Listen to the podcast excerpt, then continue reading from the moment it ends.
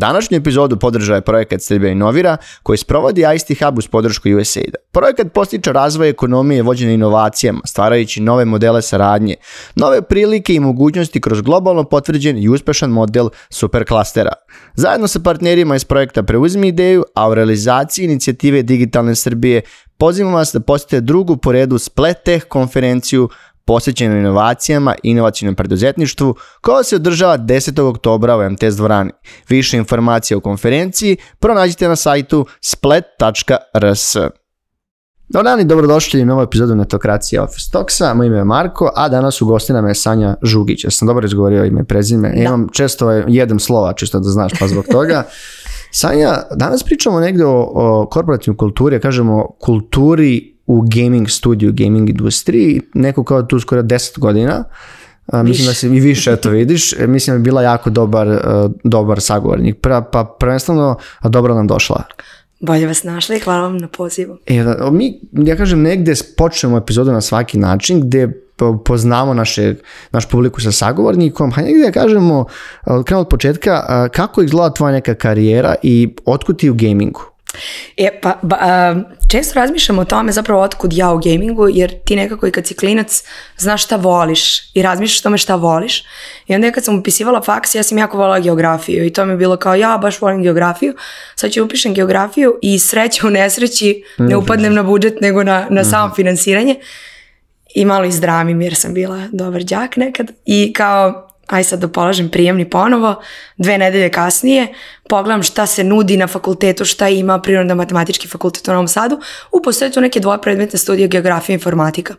Aj probam ja to i probam upišem na budžet. Mhm. Nije bilo puno ludih ljudi koji žele da studiraju dvopredmetne studije. I tako zapravo kroz te studije shvatim da me informatika nekako mnogo više zanima i to mi je mnogo više i leglo i srećom jako me usmerio i usmerilo karijerno. I onda sam radila svašta tokom studija. Uh, mislim svašta u smislu bavila sam se i marketingom i nekim eventovima i ostalo. I čujem od nekog poznanika kako on radi kao QA u nekoj gaming kompaniji u Novom Sadu. I kao gaming, ja igrice vidiš, to je jako zabavno, sigurno moglo bi baš time da se bavim. I ovaj, on me upozna i imala sam sreće zapravo da Uh, sam odmah na tom putu upoznala uh, ljude iz Madhead Gamesa. Uh, upoznali smo se i imala sam sreće da su oni prepoznali moj potencijal, pošto znanja o gamingu apsolutno nije bilo i tako je zapravo krenuo moj put u gamingu koje je u Madhead onako i trajao dugo godina, poslije sam prešla u Play Studios i... i Gdje si danas? Da, da Je, sam naredno pitanja nastavljeno, jer sam stavio kao da li bi mogla sebe kaži da si kao uopšte, jer generalno i da li je potrebno da volimo video igre ili bar da ih igramo dnevno, bi mogli da učestvujemo u njihovom pravljenju. Jer to negdje vrlo često postoji taj, ne kažem stereotip, ali postoji ta stigma, e kao moraš da voliš video igre ali bi radio u gaming kompaniji. Pa eh, ovako, da bi ti Mislim, da bi radio u gaming kompaniji, ne, odgovor je mhm. ne, zato što u gaming kompaniji postoji toliko različitih pozicija i različitih stvari koje ti zapravo možeš da radiš, tako da ja ni ne pravim igre, ali e, i za mene nije potrebno da igram igre, ali ja ih igram. E, sa strane toga da kada radiš baš u developmentu i kad proizvodiš igre, ja iskreno verujem da moraš da, da voliš da igraš igre i moraš da ih igraš puno da bi u glavi stvorio tu neku ono... E, knjigu re, referenci koje zapravo uzimaš kada, uh, kada stvaraš, kada kreiraš, tako da generalno ljudi koji prave, uh, prave igre moraju nekako da dosta istražuju, da traže reference, da igraju igre i da znaju da se inspirišu odakle kako bi razvijali svoju neku kreativu i kreativne ideje. Da, ja sam isto, znaš, kad sam bio pre, dok naravno nisam počeo da radim u industriji, kad kao, ja radim u gaming studiju, sam kao, ja igrati igrice po ceo dan. Znaš, ono, mhm. nekako to sa strane je bilo mišljenje. E, danas, ovaj, rekli smo da pomenula si da radiš u Play Studio, danas si direktor za kulturu i engagement, mm. kako, kako je preveli na naše, ovaj, u Play pa, Studio angažovanja, ali zvuči, zvuči nekako Upravo tako. Hajde malo predstaviš tu tvoju poziciju i što su nekad nervna zaduženja? To u okviru popa, mislim to people operationa, kako to tačno, kako bi to klasifikovali nekoj organizaciji? Da, pa ja iskreno ne znam, zato što je onako rola je jako sveobuhvatna i onako dosta kad razmišljam o toj roli ehm, Kod mene su, uh, u mom timu su i operations, i office, event, brand, komunikacija, ali i L&D. I nekako volim da zapravo razmišljam o tome da, uh, da moja rola i zapravo tim se brine o svemu nekako uh, što radimo sa ljudima. uh sarađujemo direktno i usko povezano sa HR-om, a sa druge strane i način na koji to predstavljamo. Jer nam je jako bitno nekako, generalno najveći mi je problem kada neka kompanija ono haos je u kompaniji, sve se raspada, a mi sa druge strane, ja prelepo nam je najbolja kompanija na svetu, ne. Trudimo se da zapravo ispratimo sve ono što radimo sa našim kolegama, da oni budu zadovoljni i da su oni zapravo employer branding svega onog što mi radimo i šta pričamo na polju. Tako da negde kultura zapravo obuhvata jako puno stvari, uh ali sa druge strane onako bavimo se nekim Eh, kod nas spada neki kao lepši deo eh, mhm. rada sa zaposlenima. Da. A, kako bi li izgledao tvoj neki radni dan? Jel, jel sličan? Kako bi ti negdje kaže, evo moj, moj radni dan izgleda ovako? Mhm. Eh, pa svaki dan je različit. Jako puno pričam sa ljudima. pričam sa kolegama ono, o donošenju odluka, procedura, pravimo planove, pravimo ideje, sarađujem dosta sa globalom, pa onda to sa globala zapravo prenosimo na studio. E, i nekako radni dan mi e, se sastoji u dosta pričanja i dosta slušanja. uh I, I ne znam kako bi ga karakterisala u smislu, zato što postoji radni dan u kome imam samo neki event, u kojem imam samo neku edukaciju, s druge strane postoji radni dan koji je ceo dan od 9 ono, ono. do 5 su sastanci i ne mogu da ga, rekla bi da je dinamičan. uh Ali to su neke menadžerske funkcije direktorske. Da, pa Ti ipak moraš dosta da hendlaš ljude i da gledaš da. da li su, koliko su oni zadovoljni, da li tvoj sektor radi kako treba. Mhm. Da i sektor i tim i ti nekako kad si na toj poziciji jako, mislim kao kultura je kao, nije direktno HR, ali jako povezano sa zadovoljstvom zaposlenih, jer nekako ti zaposleni jesu ta kultura. Svaka kompanija ima neke svoje vrednosti i neke svoje ciljeve koje ono, zaposleni jednostavno prate, slušaju i, i trude se da svi idu ka istom cilju, a sa druge strane svaki studio ima svoju pojedinačnu kulturu koju svaki zaposleni donosi i gradi. Da, do, mislim, ja bi, ja bi još to i, dodatno, i svaki tim vrlo često ima svoju tim. kulturu. Znači u nas je, ne znam, deset u nekom timu, to je podkultura mm. ovaj, u okviru, u okviru tipa kako zove tima. E, ukratko, nismo uopšte pomenuli uh, Play Studio, čisto na kratko predstavi kakva je kompanija koliko vas ima u Beogradu. Mi smo negde, ono, znamo se od početka kad je Nikola pokrenuo ovaj, kancelariju u Beogradu. Hajde, čisto ukratko za ljudi koji ne znaju, mhm. predstavi ovaj, na, na samu kompaniju. Naravno. uglavnom, Play Studios je zapravo kompanija čije glavne kancelarije su u Americi. Play Studios ima devet kancelarija u devet različitih zemalja i Beogradski studio je najveći studio koji broji blizu 200 ljudi. Uh, u Beogradu se trenutno razvija tri proizvoda razvija, radi. uh Živi da. Živi, živi sa ta tri proizvoda, ali svaki studio zapravo ima neku svoju funkciju, svoju igru, svoj proizvod ili jednostavno da li neki deo biznisa, financija. Uh, sve u svemu Play Studios je uh, korporacija koja se bavi uh, prvo za početak oni su krenuli sa nekim tim social kazinom, onda se to razvija da smo umeđu vremenu akvarovali Tetris, pa smo akvarovali Brainium kompaniju koja je uh, vlasnik IP-a za Mahjong, za um, Spider Solitaire, mhm. i, i kartarske, igre, tako da mi to sve nekako zajedno uvezujemo i imamo nekako velik širok dijapazon uh, mhm. igara. Uh, sa druge strane mi smo kompanija koja je live na berzi, i, i nekako onako i dinamika kompanije je baš onako drugačija od onog što smo navikli. Pa ali... Pa dobro, došlo druga, ono, kompanija na berzi ima neki svoj set pravila, apsolutno od odnosne kompanije koja ima zvanično dalje vlasnike. mm da te pitam, pomenula si da je e, studij u Beogradu najveći, je li to mhm. generalno što je ono naše tržište dosta dobro u tom game devu ili generalno, ili ima, ima neki drugi razlog? E, pa mislim da, e, mislim da zapravo u Beogradu se razvija pop slots igra mhm. koja je zapravo jedna od najvećih igara Play Studiosa. E, sam, samim tim, mislim da je jednostavno tim iz tog razloga, development tim iz tog razloga narastao, zato što mhm. se igra širila i potrebe za ljudima koji će održavati čitav sistem se širio manje više mislim da nije samo zbog tržišta, nego jednostavno se svaki studio razvija u pravcu u odnosu na proizvode i u odnosu na to što se radi i u odnosu na to se jednostavno stvaraju potrebe za kadrom, potrebe za ljudima u timu i samo je nekako narastao tim preko noći. ne, znamo ni ali veliki funkcioniše, radi. Da, to, je najbitnije. Da. E, pa, smo te pozvali da, i kad smo se pričali što je možda pričamo, ono, da je ta neka kultura kompanije e, zaista bitna tema i nekako se e, zadnjih godina se pridaje veći značaj. Ti si tu negde, e, kao si rekla, više od deset godina kako si krenula. Kako ti negde gledaš danas i koliko vidiš da se danas pridaje važnosti korporativnoj kulturi, generalno kulturi kompanije danas, odnosno na pre, ne znam, 12-13 godina, kad je tek mhm. krenulo sve? E pa, iz, moje perspektive zapravo korporativne ovaj, strukture i kulture. Uh, kad sam krenula da radim, nije ni bilo.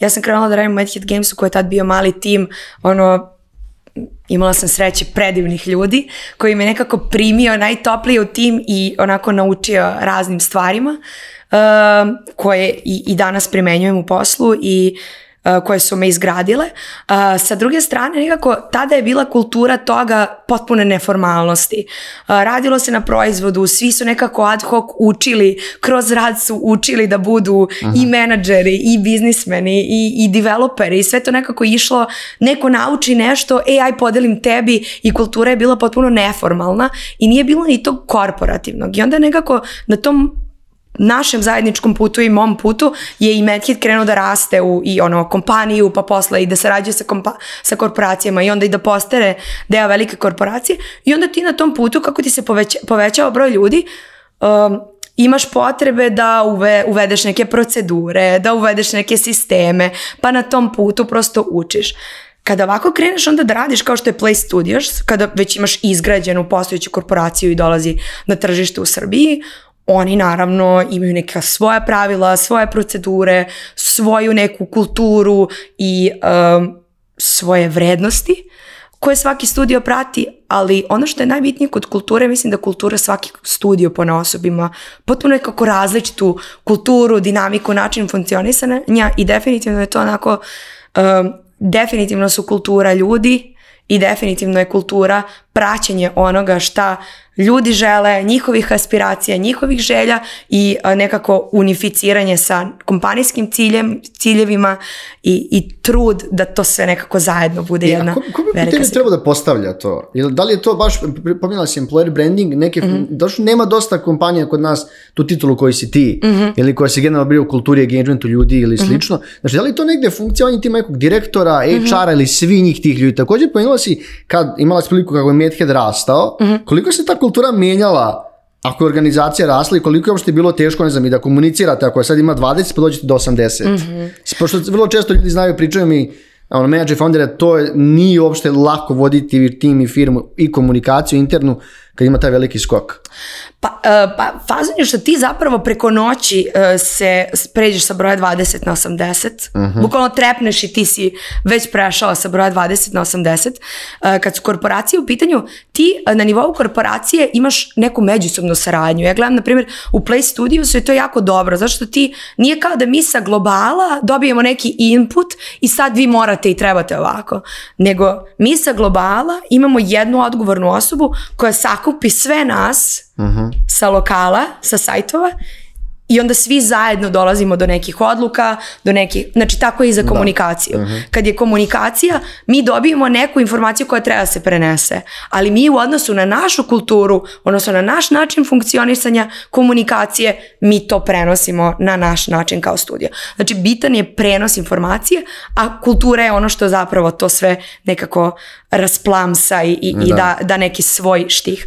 I sad nekako kad razmišljaš zapravo ne pridaju kompanije nekako direktno kulturi, da sad svaka kompanija ima nekog direktora kulture kao što sam ja, pa sad nekog, neku osobu koja će da spoji različite uh, departmane, različite načine rada, nego prosto to rade timovi ljudi koji se bave i ljudima, i engagementom, i komunikacijom, i hr i prosto to sve nekako zajedno kad sabereš ti slušanjem ljudi, slušanjem njihovih potreba, inputa, gradiš kulturu.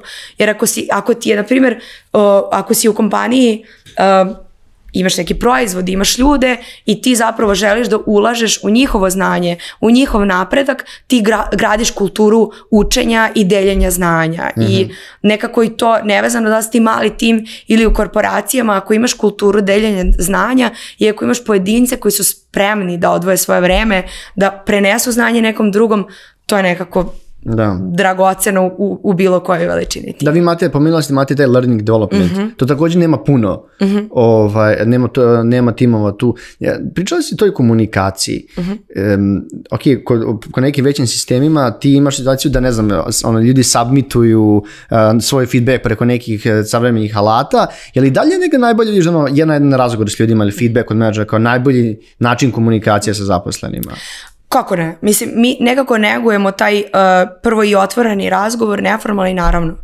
Kad daješ feedback, jako je važno da način davanja feedbacka. Jako je važno edukovati menadžere na način uh, jednostavno posmatranja zaposlenog feedbacka i posmatranja jednostavno proizvoda i onoga mhm. što daje kako bismo mi imali unificiran način posmatranja osoba da ne bi prosto jedan kolega koji daje na, svoj maksimum imao jako strogog lida koji strogo daje feedback a drugi kolega koji zapravo radi ok svoj posao ali nema strogog kolegu koji kao smatra koji smatra da je kao svi smo otvoreni ok, ne daje tako feedback i jednostavno ti ne možeš te dve osobe da fair oceniš, nego nama je ideja da zapravo edukujemo lidove. Uh, ono što je jeste najbitnije to da mi svi koristimo te neke tulove uh, zbog zapisivanja i praćenja informacije jer kao mi imamo performance na svakih šest mjeseci koji nam daje mogućnost da pratimo performance i jednostavno da pratimo koliko svako od nas, ja isto imam, svi imamo performans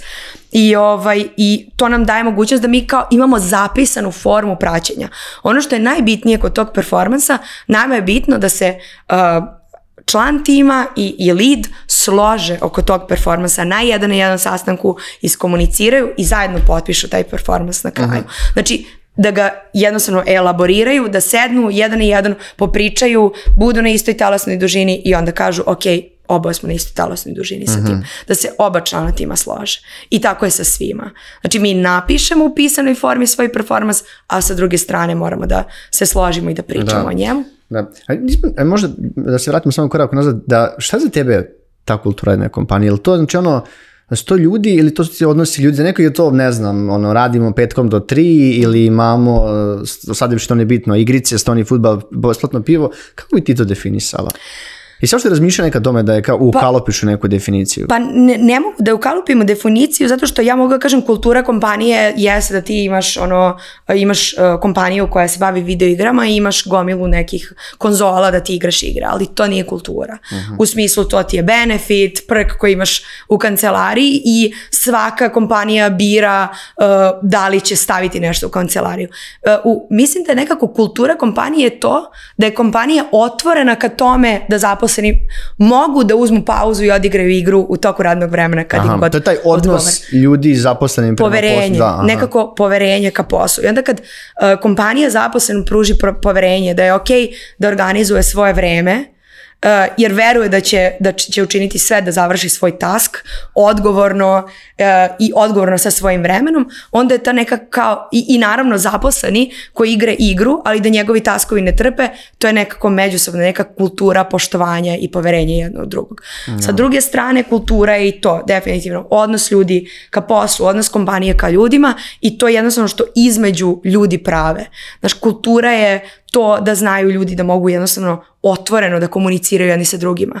Da nema te razlike. Da li neko direktor, da li neko uh, menadžer, da li neko e, zaposleni, junior, tek počeo ili je intern, mi gledamo da jednako i iskreno, otvoreno komuniciramo svi jedni sa drugima i da ne pravimo razliku. Znači nema toga vi ste direktor, e, ti si inter, nego prosto svi smo jednaki, svi smo isti, samo neko radi određenu vrstu posla. Tako je jednostavno, I, i, tako je jednostavno i ali je li mogla da je na pitanje koje si nastavlja da kaže, ej, postoji neki tajni sastojak za to, ali postoji neki tajni sastojak. Ti kao direktor možda vidiš, možda neke, ono, možeš pa, da, da gledaš tu, ali postoji neki tajni sastojak te do kulture? Ja mislim slušanje i uvažavanje. E, jer generalno jako je bitno slušati ljude. Znači, ako ti sad ne slušaš ljude kao bukvalno te baš briga i ti hoćeš njima da nametneš neku kulturu to nije kultura nećeš im nametnuti zato što to oni nisu želeli. Ali ako si ti njih slušao i znao si da imaju neku potrebu za nečim i prosto si nekako ispoštovao, svi će to biti srećni u tom, mhm. tom lupu i krugu. Tako da to zaista mislim da kulturu gradimo svi zajedno, kultura se ne nameće, Eh, imamo svoje vrednosti, jednostavno kompanija ima svoje vrednosti koje, eh, koje su posvećene i nama zaposlenima i proizvodu i, i našem igraču na, na kraju krajeva i svi zajedno moramo nekako da budemo usaglašeni da bismo imali neku harmoniju koja nije uvek sve harmonično najlepše na svetu, ali posao. sa druge strane to je posao. Ako imamo cilj, znamo i kako ćemo tu disharmoniju da ispravimo, jer ako slušamo jedni druge, gledat ćemo da, da onako uradimo stvari da se osjećamo bolje. E, koliko je generalno korona promenjala stvari? Pa... Ako baš pričamo o načinu mhm. komunikacije s ljudi, onda odnos sa ljudima prema poslu, ja sam ovde stavio zašto su ljudi dosta remote krenuli da rade, pogotovo ako pričamo o nekim stranim tržištima, dosta ljudi se dalje radi full remote, koliko je generalno promijenila stvari u načinu, ne znam, druženja s ljudima isto, mm. znači ono, dosta smo bili otuđeni. E, zna, e, reći ću ti jednu stvar, kao u gaming svetu postoje e, ljudi koji su developeri, i gameri, koji vole da odu na posao, završi svoj posao do kuće da igraju igre. Aha, mhm. pa dobro, to je I postoji naravno drugi, ono, postoje ljudi koji žele, koji, su, koji se druže, koji su socijalni i nekako to je prosto balans. Mislim da u koroni se promenilo to zato što u Srbiji specifično jer sam ja jedino tu radila, nije postojalo poverenje u zaposlenog da kad on ode kući, da će odgovorno odraditi svoj posao 8 sati. Mhm. Znači, naravno, zato što to niko nije probao. Nisi to radio, nisi probao, nepoznato ti je, znaš da tu, svi su ti tu, svi rade, svi su vredni i ti se bojiš šta ako ja sad pustim njega da će on raditi i šta će drugi misli, kako će biti, nisi probao. I onda je krenula korona i onda je bilo bam, kao ti nemaš drugi izbor. Ti si u situaciji da sada odjednom uh, moraš da, ovaj, kako se zove, pustiš zaposlene da rade od kuće i moraš da organiziraš svoj posao zato što ti moraš da sačuvaš proizvod, ti imaš posla, ti ono, moraš da nastaviš da radiš i ti ljudi moraju da nastaje da, da primaju platu i ti jednostavno sad tu nalaziš potpuno nov način funkcionisanja ja definitivno mislim da korona promijenila svest da može i da prosto zaposleni ako su naravno odgovorni, postoje različiti tipovi ličnosti koji jednostavno ne mogu se fokusiraju kod kuće i bilo mi jako teško i jako su tražili da se vrate u kancelariju, jedva su čekali. Postoje ljudi koji im jednostavno fokus bolji kod kuće uh, i, i jednostavno kao tu su se, tu se nekako iskristalisalo da može kada mora, i da prosto zaposlenom treba dati mogućnost da uh, bira ili bar da, ja sam lično, ja sam lično, mi smo lično kancelarijski tipovi. Da. Mi, okay, ja, da, također. mi smo isto, ok, kod nas je možda malo hibrid, ono, malo smo ovdje, malo smo u kancu, malo smo kući, ali to su ono, ako pada kiša, ako ima 40 stepeni, mhm. jedan dan mi se ne dolazi, ali ako mogu da biram, mnogo, mi smatra sam mnogo produktivniji u kancelariji, pogotovo posao gdje mi opet dosta pričamo i slušamo, kaže posle ljudima i sa drugim kompanijama, nekako je meni lično više prija. Naravno, može svako da bira i zato smatram, zašto sam te pitao, je to jeste pitanje, uh, ono što su neke kompanije krenule sad u svim oglasima, da kao, da vraćaju da remote rad je kao benefit. Mhm. što imaš situaciju da je ipak iz, izvršen neki kao push menadžmente da se kompanije vraćaju, mhm. da se zaposleni vraćaju, pa sam to pisati da li misliš da je to tu da ostane ili će biti da ono kao, bit će samo benefit? Ovako, jedna i druga stvar imaju benefit. Ono što se meni sviđa zapravo kako radimo u Play Studio, to je hibridno. U smislu da imamo 3 plus 2. Tri dana si u kancelariji, dva dana si od kuće. U odnosu na to i, zapravo... Meni je to najbolje, model. I, i dogovor je na menadžerima i na, na članovima tima da se dogovore kojim danima su u kancelariji, kojim danima nisu. I nekako taj model je najbolji zato što u tih tri dana odradiš sve jako bitne sastanke, brainstorming, vidite se, uh, feedback date uživo, odradite jedan na jedan sastanak uživo, svi se vide i isto tako imaš tu nekako taj timski duh kad se svi nađu.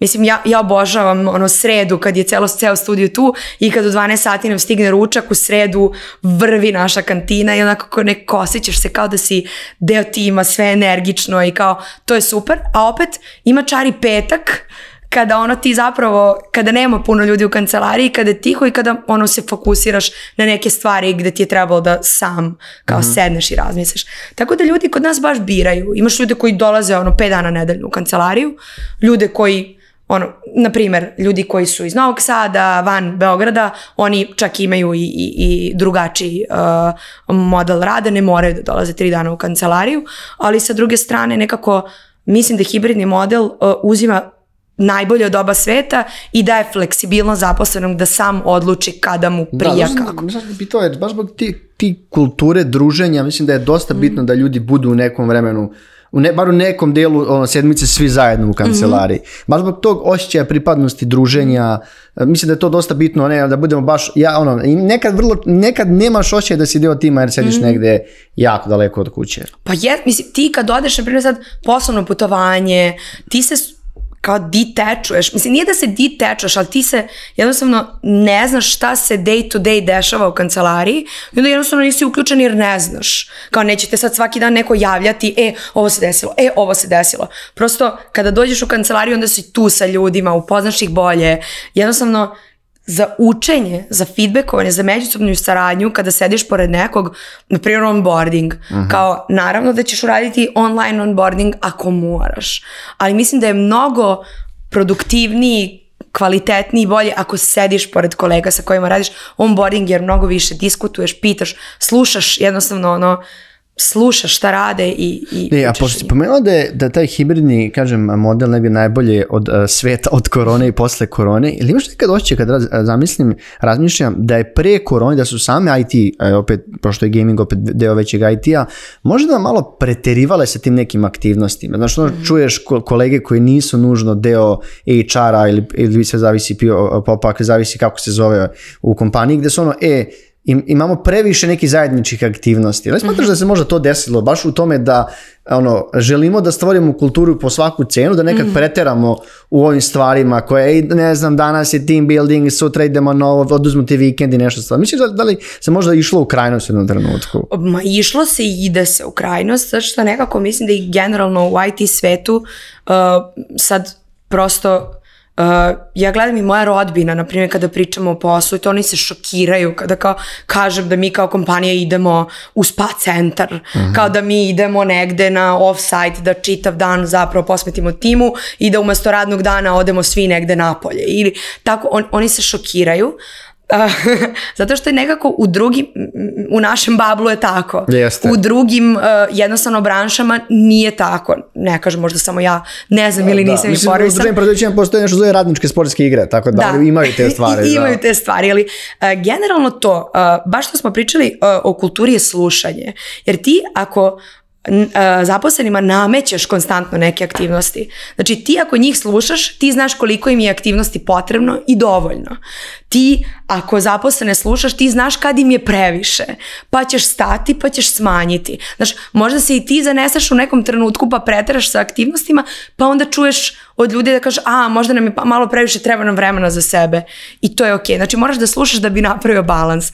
Ali da, da smo imali u jednom momentu bukvalno bombardovanje sa aktivnostima sa svih strana, a ti kad pogledaš kao kompanije, ne samo da imaš aktivnosti kao što se tiče team buildinga, ti imaš i team buildinge, imaš i prks u kancelariji, kao bukvalno ne znaš šta nemaš od igara, um, benefita nekih koji, koje, na primjer, polovina kompanije, ma ne polovina, 10% kompanije možda je nekad iskoristilo neki benefit, ali neka ga tu neka ima. jako puno kompanija ima i to. Mislim, isto i revidiranje benefita. Ti ako imaš neki budžet koji treba da uloži, da alociraš neki deo novca na, na, na mhm. neki deo, onda treba da razmišljaš o tome da li ga pametno ulažeš. Mislim, kao ne treba da plaćaš neki tamo teren za futbal na koji niko, nije otišao tri meseca, a neko želi da ide lupić u bioskop.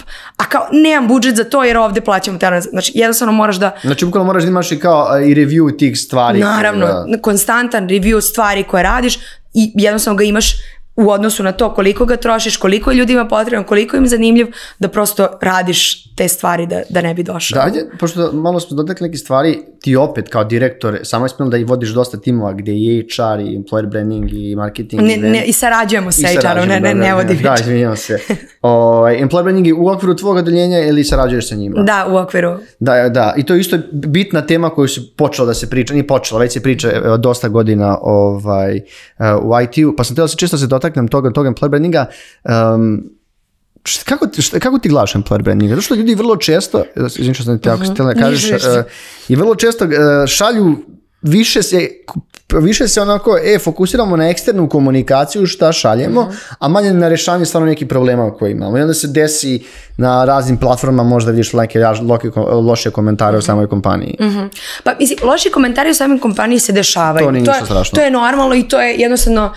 E, dešavaju se situacije gdje ni kompanija ne bude fair po nekom pojedincu, a da jednostavno ni ne zna, ne stigne u, određenom roku da reši neki problem, jednostavno isto tako dešava se i da neki zaposleni prosto osjeća, eh, osjeća da je nešto nefer i to su prosto jednostavno neke, neki lični doživlje i to se dešava.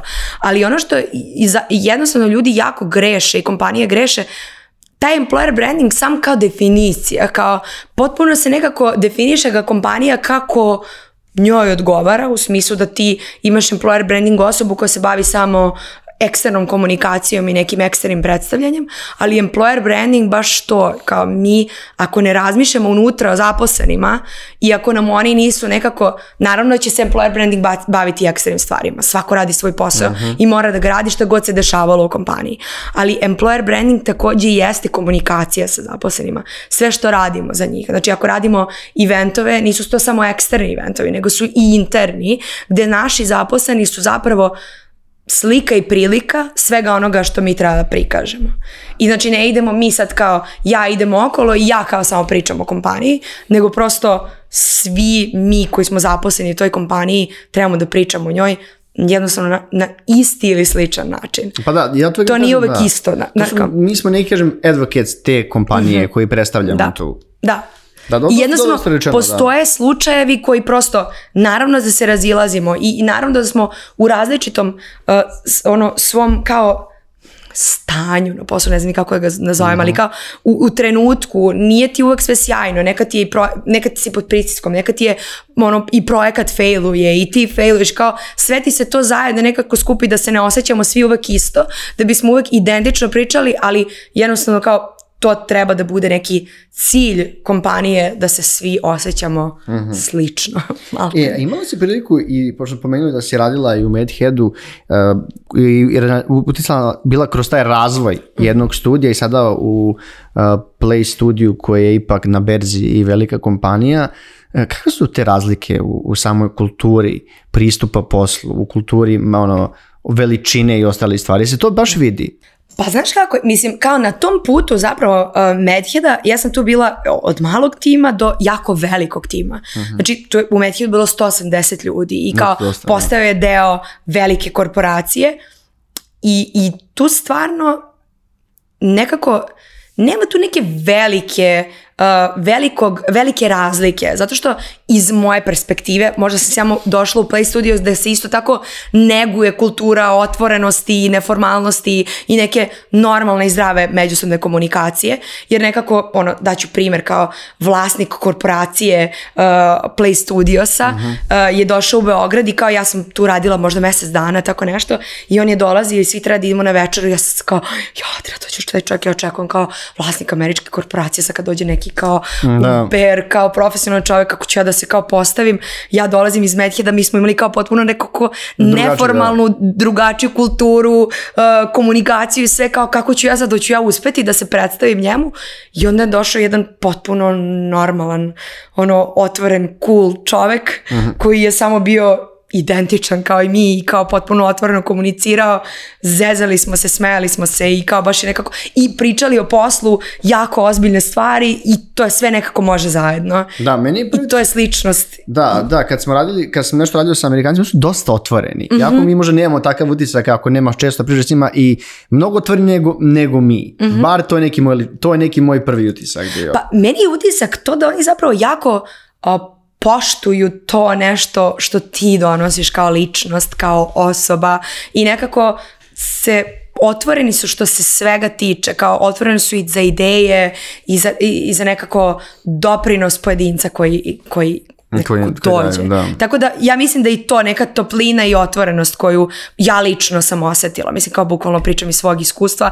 Baš sam bila onako primarno kao kad sam došla zabrinuta kako ću. Međutim nekako to je jako velika sličnost između toga gde kao u Metjedu kako je rastao studio ti zaista imaš i neki drugačiji pristup i drugačiji način komunikacije i uvodiš mnogo više procedura da bi ti zapravo Absolutno. dopreo do tih svih ljudi, organizovao ogromne projekte, publishovao te projekte i sarađivao i naravno ono, ispratio sve što taj raz donosi. Uh, sa Play Studio sam, znaš kao, uh, Play Studios u Beogradu se otvorio ono kao deo velike Play Studios korporacije i to kad se otvorilo nekako Play Studios je doneo svoje neke... Playbook da kažemo, da. Playbook, ali sa druge strane opet nekako niko te ne tera, ti budeš po tom nekako kao ne, ovo su naše vrednosti i hajde da vidimo kako se to poklopa sa ono kulturom Srbije, developera, vas, studija i da vidimo kako to zajedno da, sve. Da, to definitivno postoji, mi smo pričali to i kad imaš, ok, majku, firmu ili nebitno, jedno je ta kultura koje su neke, ono, postoje neki okviri, mhm. svaki tim ili studij ima svoju kulturu. Ma to mora tako ne, da, bude, da. Bukvalno svaki tim, meni kao, ja sad gledam, ja sam deo kao GNA-a i, i mi tu kao svi sad radimo zajedno i ja sam kao razmišljala, ja, pa sad je velika kompanija. Ne, mi toliko nekako uskačemo jedni drugima, toliko otvoreno pomažemo jedni drugima. Kad god nekom nešto zafali, kod nas nema toga. Mislim, događaje treba da se pakuju paketi, svi pakujemo pakete. Da. edukacije je, šta god. Znači, mi smo nekako gledamo da timski uključimo i pomognemo jedni drugima gdje god fali. Ja, pa, to je, gde ja, god je Na, ako, kako, gledaš na zaposlene da su svi jednaki, te stvari se dešavaju. Ne, mislim, kako ti kažem, nekako meni ne bi bilo u prirodi da ne gledaš zaposlene su svi jednaki. Da ja slažem s tobom. Kao, apsolutno, kao ja... čudno je da neko to gleda.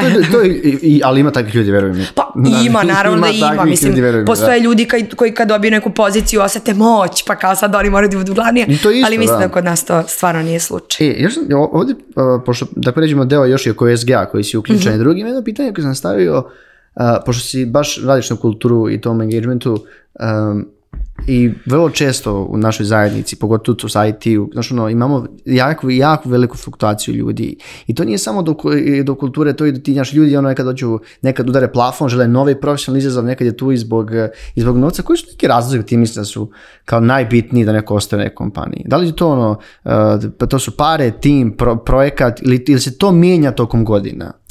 pa vidi, razlog da pređeš u neku kompaniju, drugu si sigurno pare svima, jer svako nekako gleda da sebi obezbedi work-life balance, plata je važna, svako jednostavno kao gleda da njemu bude bolje.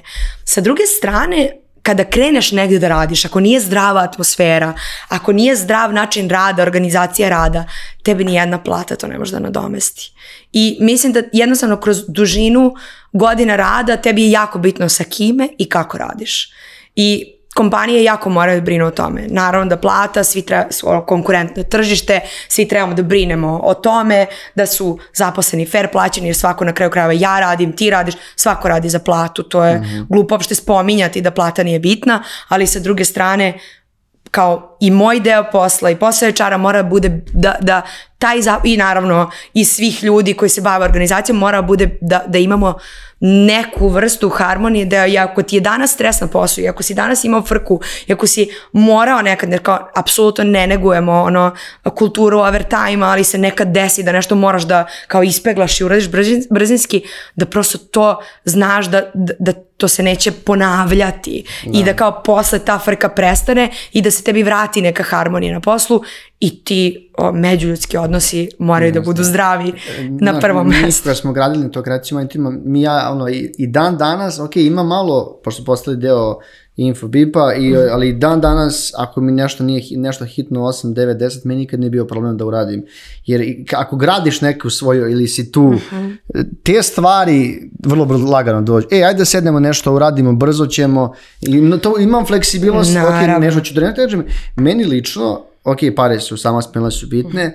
ali unutrašnji mir je najbitnija mm. stvar. Jer, znaš, možeš ti da radiš ono, u nekoj, da je to kao zvučna kompanija, a ti si, ja, loše se osjećaš, Burnoutovan u eh, ideš, eh, ideš ono nervoza na posao, to uopšte nije bitno. Znači pare onda ništa ti ne znači. Ne, mislim, na, na kraju krajeva ja ono bukvalno pričam iz svoje perspektive i to kako se ja postavljam koliko je meni bilo, koliko je meni bitno kroz cijelu moju karijeru da meni nije muka ujutro kad ustajem kad treba da To mi je najbitnije. To mi je najbitnija stvar. Da ja kad ujutro ustajem na posao stavim slušalice, idem peške, oslušam neki podcast i kao bukvalno ono nekako znam da idem na posao i da kakav god projekat i zadatak i šta god da si imao u tom trenutku, ni, kao koliko god je teško to i da mora to je posao i kao te bitno ti je da ti jednostavno posao posao na koji ideš sa nekim normalnim osjećajem, lepim osjećanjem.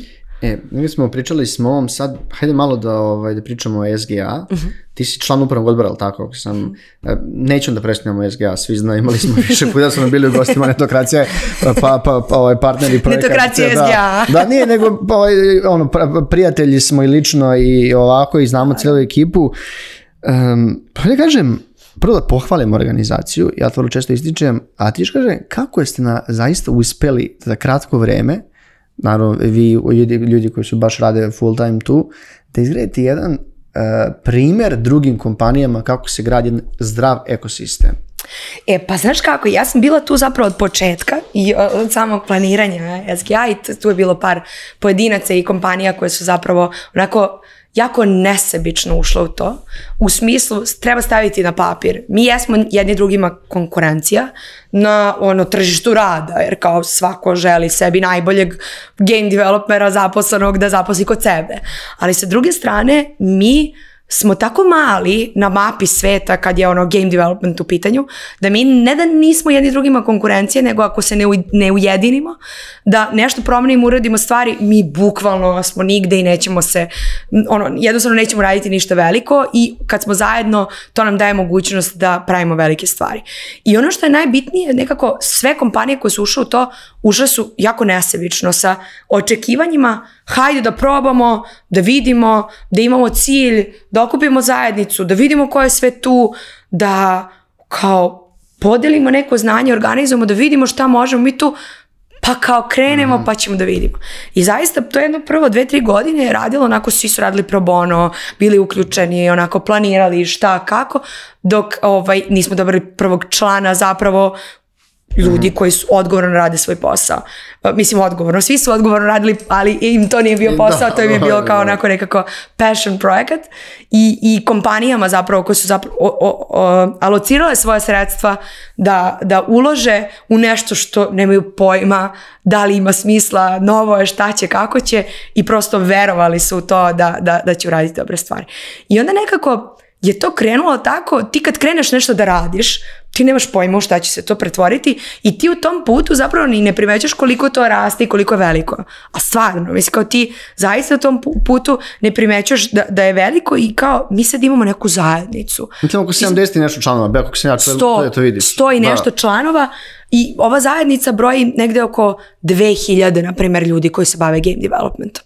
I tu kad kreneš, kad krenu event i događaj, pa ti shvatiš da ti poznaješ sad već neke ljude, pa vidiš iste face, pa kreću da se dešavaju, pa se edukuju, pa ovi koji si ih viđao kao klinice, evo ih sad u industriji rade, mhm. pa se dešavaju neki fakulteti, pa neki predmeti, pa nešto, pa onda kao SGA porasto ono veliki tim, odgovornih profesionalaca koji sjajno rade svoj posao, koji uz to naravno imaju i ono sjajan upravni odbor, koji ovaj, a i stari upravni odbor je zaista sjajan, ovaj, e, i novi, e, koji zapravo nekako svi su jako nesebični u tome. Znaš, kao mi smo zaista u bablu, jer mi imamo neku zajednicu gde smo okrenuti jedni ka drugima i, na primjer, ti sad u bilo kom trenutku da nazoveš bilo koga iz bilo koje druge kompanije, znači kao bukvalno ono, tu Desperados, Madhead Games, koje god da ne nabrajam, Noreus, ti kod gog, da kao imaš neki predlog i kao, e, ja imam ideju, ajde udem.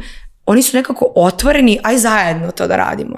I gomila kompanije imaju kao zajedničke inicijative, sa SGA inicijative, pa SGA okupi, pa kao sve to zajedno je kao nešto veliko koje je samo naraslo nečim trudom, zalaganjem, idejama a, i kao iz moje perspektive kao bum, samo odjednom kao tu je, a sa druge strane trebalo je pet godina nekako ulaganja i vremena i, i, i zalaganja i sad da, imamo baš veliku i dobru stvar. Da, ali pet godina kad pogledaš i jeste i nije puno, da, kažemo tako, jer znaš, negdje, neka treba i više, mhm. ono što, da za manje ne, može da uradiš mnogo mhm. stvari, ali sad ti kažem da je zašto ja to apostrofiram kao dobar primjer ti, IT industrija u Srbiji je velika, mm -hmm. a, broj oko 100.000 ljudi, pa može više.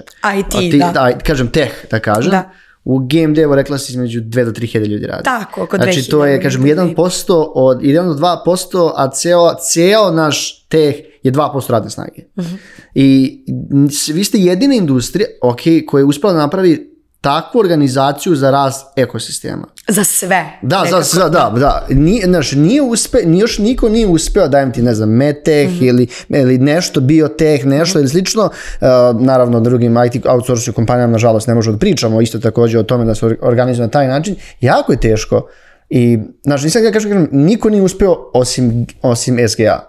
I to je ono kao, Ali... wow, znaš, da li je to što ste vi vidjeli kao kompanije e, ovo stvarno da uspe. Bukvalno su kompanije nesebično ušle u to, nekako hajde da probamo, hajde da vidimo i onda se pokazalo da može da uspe i onda kad ti daješ dobar primer kao velika kompanija koja je tako totalno kao otvoreno ušla u to, onda i manje kompanije i manji studiji mnogo više vide korist u smislu znanja, iskustva, jer ti kao u bilo kom aspektu, bilo koga iz neke velike kompanije, ako si mali studij izlazi na tržište, da cimše se povučeš za rukav, e kako je tebi bilo, šta si ti uradio, u ovoj nekako ne vidim ja mislim da nema sujete apsolutno mhm. u, u gamingu. Ne znam da sam ja u bablu gaminga, ali zaista nema te neke sujete i, i potpuno su ljudi otvoreni, uključeni i kao... Da, to mi dosta ljudi reklo. Tako je došlo prirodno. Ne, vaše dosta ljudi reklo iz vaše industrije slične stvari. Mislim da je to opet mali smo, a radimo svi zajedno, moramo da radimo svi zajedno. Da. Vidio sam da je SG da sad isto da također na ovaj sajmu ili Gamecon u Kelnu da čisto neke pa, lepe stvari. tome se god, znaš kao, gomila država zapravo ima svoje štandove game, e, na gameskomu i nekako mi i na početku kad je kao tim uh, osnivača SGA, to je bila jedna od prvih tema kao hajde da kao Srbiju stavimo na mapu game developera.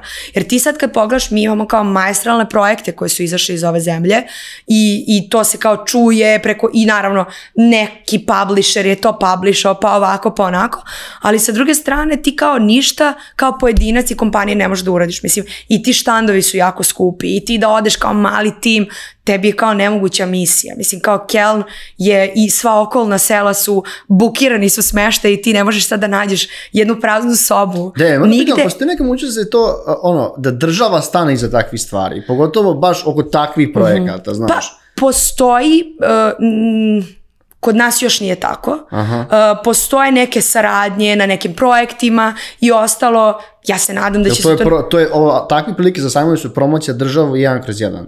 Pa, znači, promocija e, države jedan da, kroz jedan, da. Naravno, mislim kao, naravno kada, kada vreme u državi dođe da se bave nekim određenim, e, određenim disciplinama, ja se stvarno, mm -hmm. nije moja, grana, pa ne razumem, ali da, uglavnom to i funkcioniše po tom principu. Evo sad, na primjer, imamo UKE sad, koji je sve vreme, znaš kao, mhm. to je britanska asocijacija i oni se finansiraju iz evropskih fondova fondova iz Evropske unije i državnih fondova, kao u Velikoj Britaniji toliko ima studija koji se zapravo finansiraju preko nekih fondova, mhm. ali isto tako i nastupi državni i ostalo preko nekih državnih fondova. Mislim, verovatno će se to i kod nas vremenom menjati, samo što mi onako kaskamo I još, bitan podatak, mi smo baš imali tekst pre dva, o tome, ovaj, smo o e, broju žena u, domaćom, u domaćoj uh, game dev sceni. Mislim, do skora smo bili među prvom, pa gledamo procentualno. Mhm. Ja moram kažem kako je došlo do toga, jer opet prvenstveno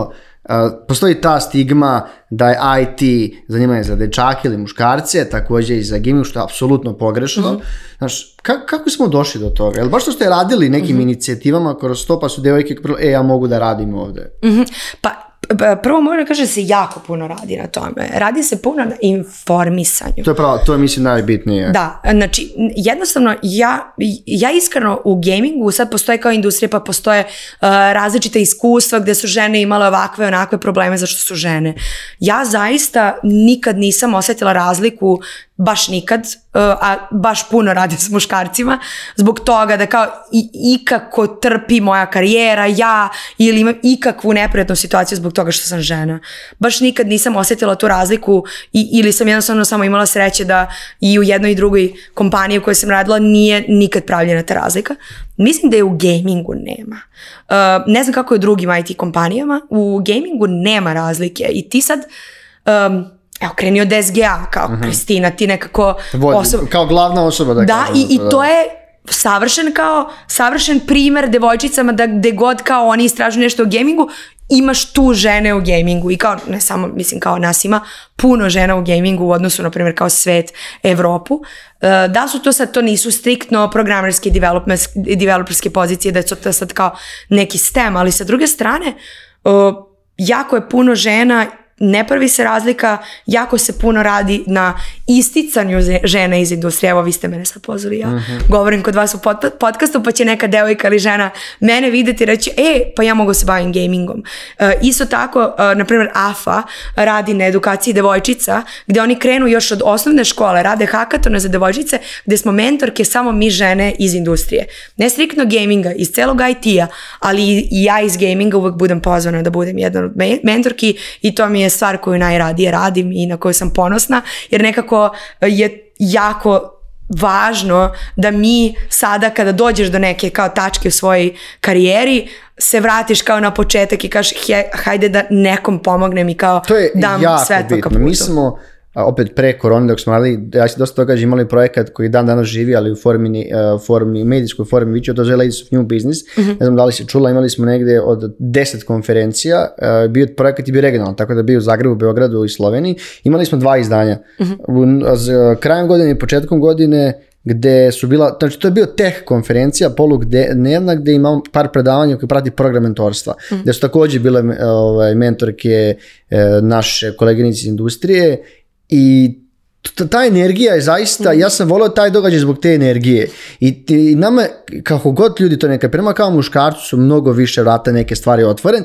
Ja, ti to možda ne vidiš dok mi, pošto su imali prijave za to mentorstvo i kad ti čitaš te prijave, ne možeš da veruješ šta se dešava. Kaži mi, ja sam u bablu. Da, ti, ne, možeš da veruješ šta se dešava, kao, a okej. Okay možda treba još više da otvorimo oči da pričamo o tome. Znaš što meni to isto bi napomenula? Mislim, i SGA ima kao bukvalno fantastične mm. programe koje su posvećene samo devojčicama i ženama I, i, nekako, ja sad na mnogim sam hakatonima i ono što vidim zapravo jako puno mešovitih timova.